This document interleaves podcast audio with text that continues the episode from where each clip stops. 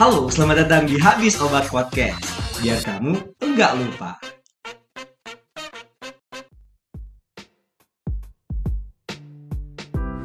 Halo teman-teman Habis Obat Podcast, hari ini kita akan sharing ya di segmen ngebet tentang penggolongan ekstraksi atau jenis-jenis ekstraksi. Mungkin di episode sebelumnya ya, kita sudah membahas tentang prinsip umum ekstraksi, jenis-jenis ekstrak ya. Dan hari ini kita akan masuk sedikit lebih dalam ke teknik-teknik atau jenis-jenis ekstraksi berdasarkan penggolongannya. Kenapa? Karena memang untuk uh, ekstraksi ini pemilihan metode ekstraksi juga sangat penting untuk mendapatkan ekstrak yang kita inginkan atau senyawa yang kita inginkan ya. Seperti senyawa-senyawa tertentu yang tidak tahan panas. Tentunya kita harus memilih ekstraksi atau metodenya itu tidak melalui tahapan pemanasan ya jadi hari ini kita akan sedikit membahas tentang uh, penggolongan ekstraksi karena memang juga ya ini akan membantu teman-teman yang memilih konsentrasi penelitiannya itu yang uh, termasuk ke dalam uh, konsentrasi penelitian bahan alam atau penelitian-penelitian terkait yang menggunakan atau pada metodologi penelitiannya itu menggunakan metode ekstraksi ya. Jadi hari ini sedikit saja kita akan sharing tentang penggolongan ekstraksi. Seperti yang sudah kami sampaikan ya di uh, uh, segmen sebelumnya, segmen ngebat sebelumnya, ya penggolongan ekstraksi itu digolongkan berdasarkan bentuknya, kemudian berdasarkan energi yang digunakan. Kalau berdasarkan bentuk itu dibedakan menjadi dua ya, ada cair padat dan cair-cair. Kalau cair padat contohnya apa? Oke, cair padat itu berarti maksudnya pelarut yang digunakan adalah cair, sedangkan sampel yang digunakan berbentuk padat, padatan secara umum digunakan atau e, bisa disebutkan contohnya seperti maserasi ya, kemudian perkolasi, kemudian reflux, kemudian ada soklet. Dan kemudian ad, e, berdasarkan bentuk ekstraksi juga digolongkan e, ada yang namanya ca ekstraksi cair-cair ya. Ekstraksi cair-cair juga dibagi menjadi dua, ada ekstraksi cair-cair yang bertahap, ada ekstraksi cair-cair yang berkesinambungan atau sinambung. Nah, nah biasanya ya kalau pada penelitian itu kita biasa lebih atau kita lebih biasa menggolongkan teknik ekstraksi itu berdasarkan energi yang digunakan.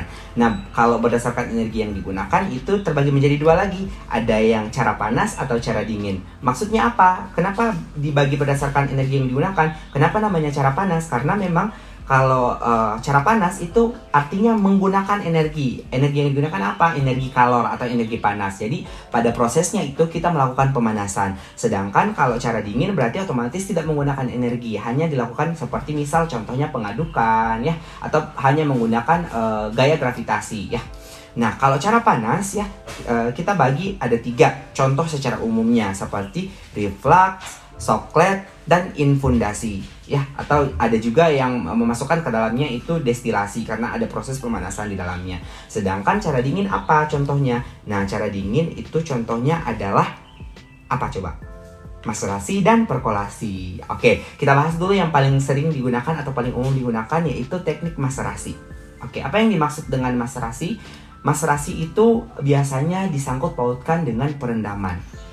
Jadi, maserasi ini merupakan proses met atau metode dari ekstraksi yang paling sederhana dan yang paling banyak digunakan. Nah, cara ini paling sesuai dan baik untuk skala kecil maupun skala industri. Jadi, uh, baik uh, digunakan pada penelitian ataupun uh, nantinya pada skala industri untuk menghasilkan suatu produk untuk dipasarkan, itu maserasi termasuk metode yang sederhana dan paling umum digunakan. Nah, metode ini ya kalau bisa dijelaskan, metode ini dilakukan dengan memasukkan serbuk, jadi ada serbuk simplisi atau serbuk tanaman, dan pelarut yang sesuai ke dalam wadah yang inert yang tertutup rapat pada suhu kamar. Jadi tekniknya ini atau uh, ekstraksi ini dilakukan pada suhu kamar ya. Jadi tidak dilakukan pemanasan seperti yang sudah dijelaskan di awal. Nah, proses ekstraksi dihentikan jika tercapai kesetimbangan antara konsentrasi senyawa dalam pelarut dengan konsentrasi dalam sel tanaman. Nah, pada proses maserasi ini, setelah proses ekstraksi, pelarut dipisahkan. Sama sih dengan uh, dengan teknik-teknik yang lain, intinya pelarut pasti akan dipisahkan. Namun, kerugian utama dari proses maserasi adalah me, dia akan memakan banyak waktu ya. Karena memang untuk perendaman tidak mungkin hanya satu dua hari. Tentunya biasanya sampai 3, 5, 10 dan seterusnya ya. Karena memang untuk penarikan senyawa yang tanpa pemanasan itu waktunya pasti akan sangat panjang ya. Kemudian pelarut yang digunakan cukup banyak. Karena kenapa? Karena kita menghindari kejenuhan pelarut seperti sudah diungkapkan pada podcast sebelumnya. Dan juga kerugian salah satunya adalah besar kemungkinan beberapa senyawa akan hilang ya karena mungkin e, dari pelarut-larut itu bisa terjadi kejenuhan dan memang senyawa-senyawa juga akan e, jenuh dan memang akan menghilang dari si e, ekstrak yang didapatkan. Nah, selain itu, beberapa senyawa mungkin saja sulit diekstraksi pada suhu kamar karena memang ada senyawa-senyawa tertentu yang memang tidak akan terlarut, tidak akan tersari ketika hanya menggunakan suhu kamar. Jadi memang uh, pemilihan proses pemilihan teknik ekstraksi ini sangat penting ya seperti sudah disampaikan di awal. Namun di sisi lain, metode maserasi dapat menghindari resaknya senyawa-senyawa yang bersifat termolabil. Termolabil itu apa? Termolabil itu adalah uh, atau uh, terminologi yang uh, mengarah kepada senyawa-senyawa yang tidak tahan panas, tidak tahan terhadap pemanasan. Termo artinya suhu atau panas ya. Labil itu maksudnya labil ya, tidak tahan. Jadi tidak tahan terhadap pemanasan. Ya, itu berdasarkan uh, cara dingin ya. Yang pertama ada maserasi. Kemudian yang kedua ada apa? Yang kedua ada perkolasi ya. Perkolasi juga termasuk uh, ekstraksi secara dingin, namun pada metode ini ya serbuk sampel dibasahi. Kalau tadi uh, dimas uh, kalau dimaserasi itu dimasukkan dalam suatu wadah, sama juga di perkolasi dimasukkan dalam suatu wadah, tapi dibasahi secara perlahan-lahan ya dalam sebuah perkolator. Ada alat yang namanya perkolator, yaitu uh, berupa berupa wadah silinder yang dilengkapi dengan kran pada bagian bawahnya. Nah kran ini yang nantinya akan mengatur uh, apa namanya pelarut yang nanti atau ekstrak yang nanti didapatkan ya. Pelarut ditambahkan pada bagian atas serbuk sampel dan dibiarkan menetes. Ini yang tadi saya sampaikan atau kami sampaikan yang e, menggunakan gravitasi ya. Jadi dari bagian atas akan turun ke bawah ya.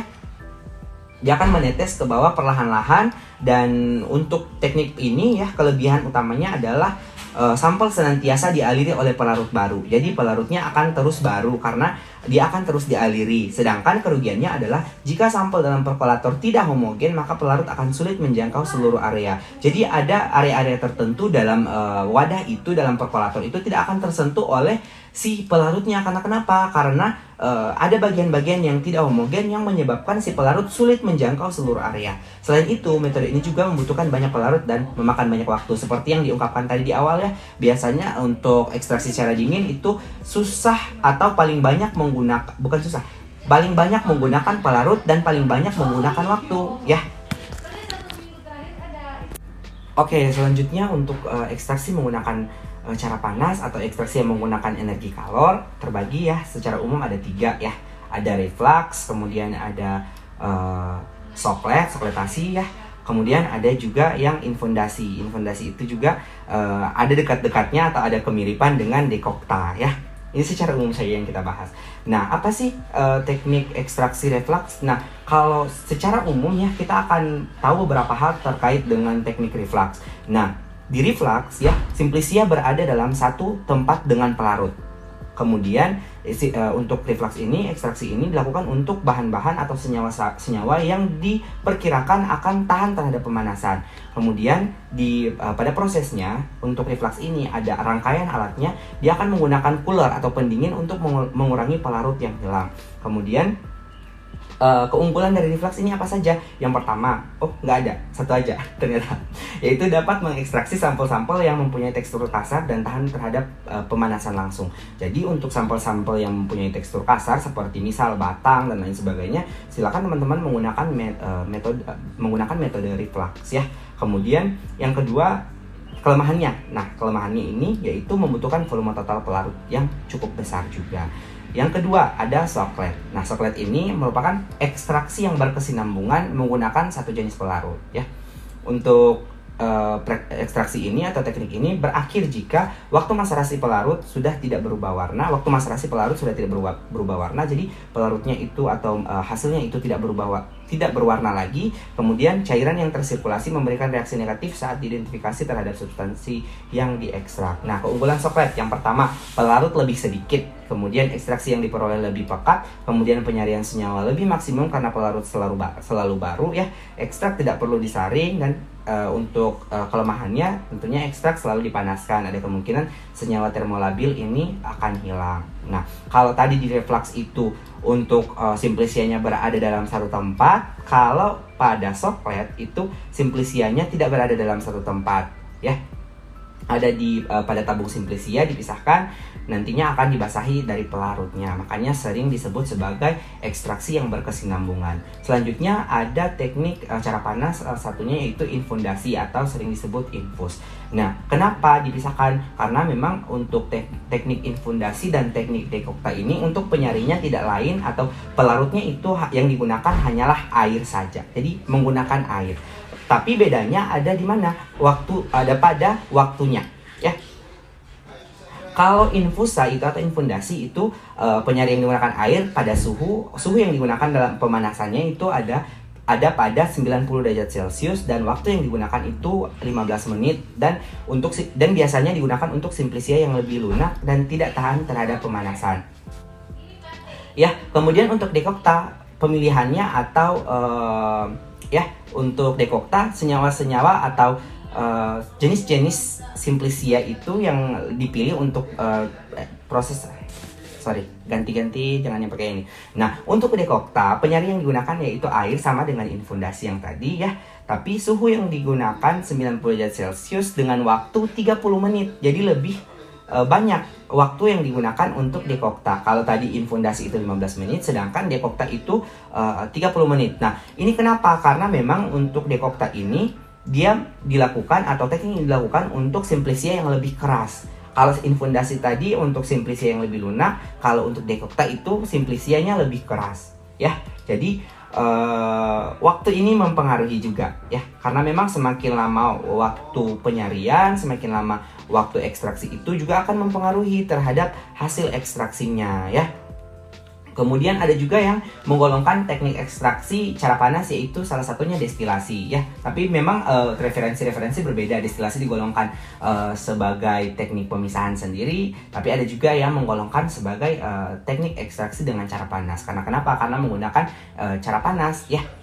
Cara panas menggunakan pemanasan. Nah, destilasi uap atau destilasi ini memiliki proses yang sama dengan yang tadi yang eh, reflux kemudian ada soklet dan lain sebagainya. Dan biasanya digunakan untuk mengekstraksi minyak esensial. Jadi untuk eh, minyak-minyak esensial ya eh, seperti senyawa-senyawa yang mudah menguap ya senyawa menguap ini biasanya digunakan teknik destilasi teknik ekstraksi dengan cara destilasi. Ya selama pemanasan uap akan terkondensasi dan destilat akan terpisah sebagai dua bagian yang tidak saling bercampur. Nah kemudian itu akan ditampung ke dalam wadah yang berhubungan yang berhubung de- yang terhubung ya dengan kondensor. Nah, kerugian dari eh, metode ini dari metode eh, cara panas ya biasanya itu tidak cocok untuk senyawa-senyawa yang termolabil ya.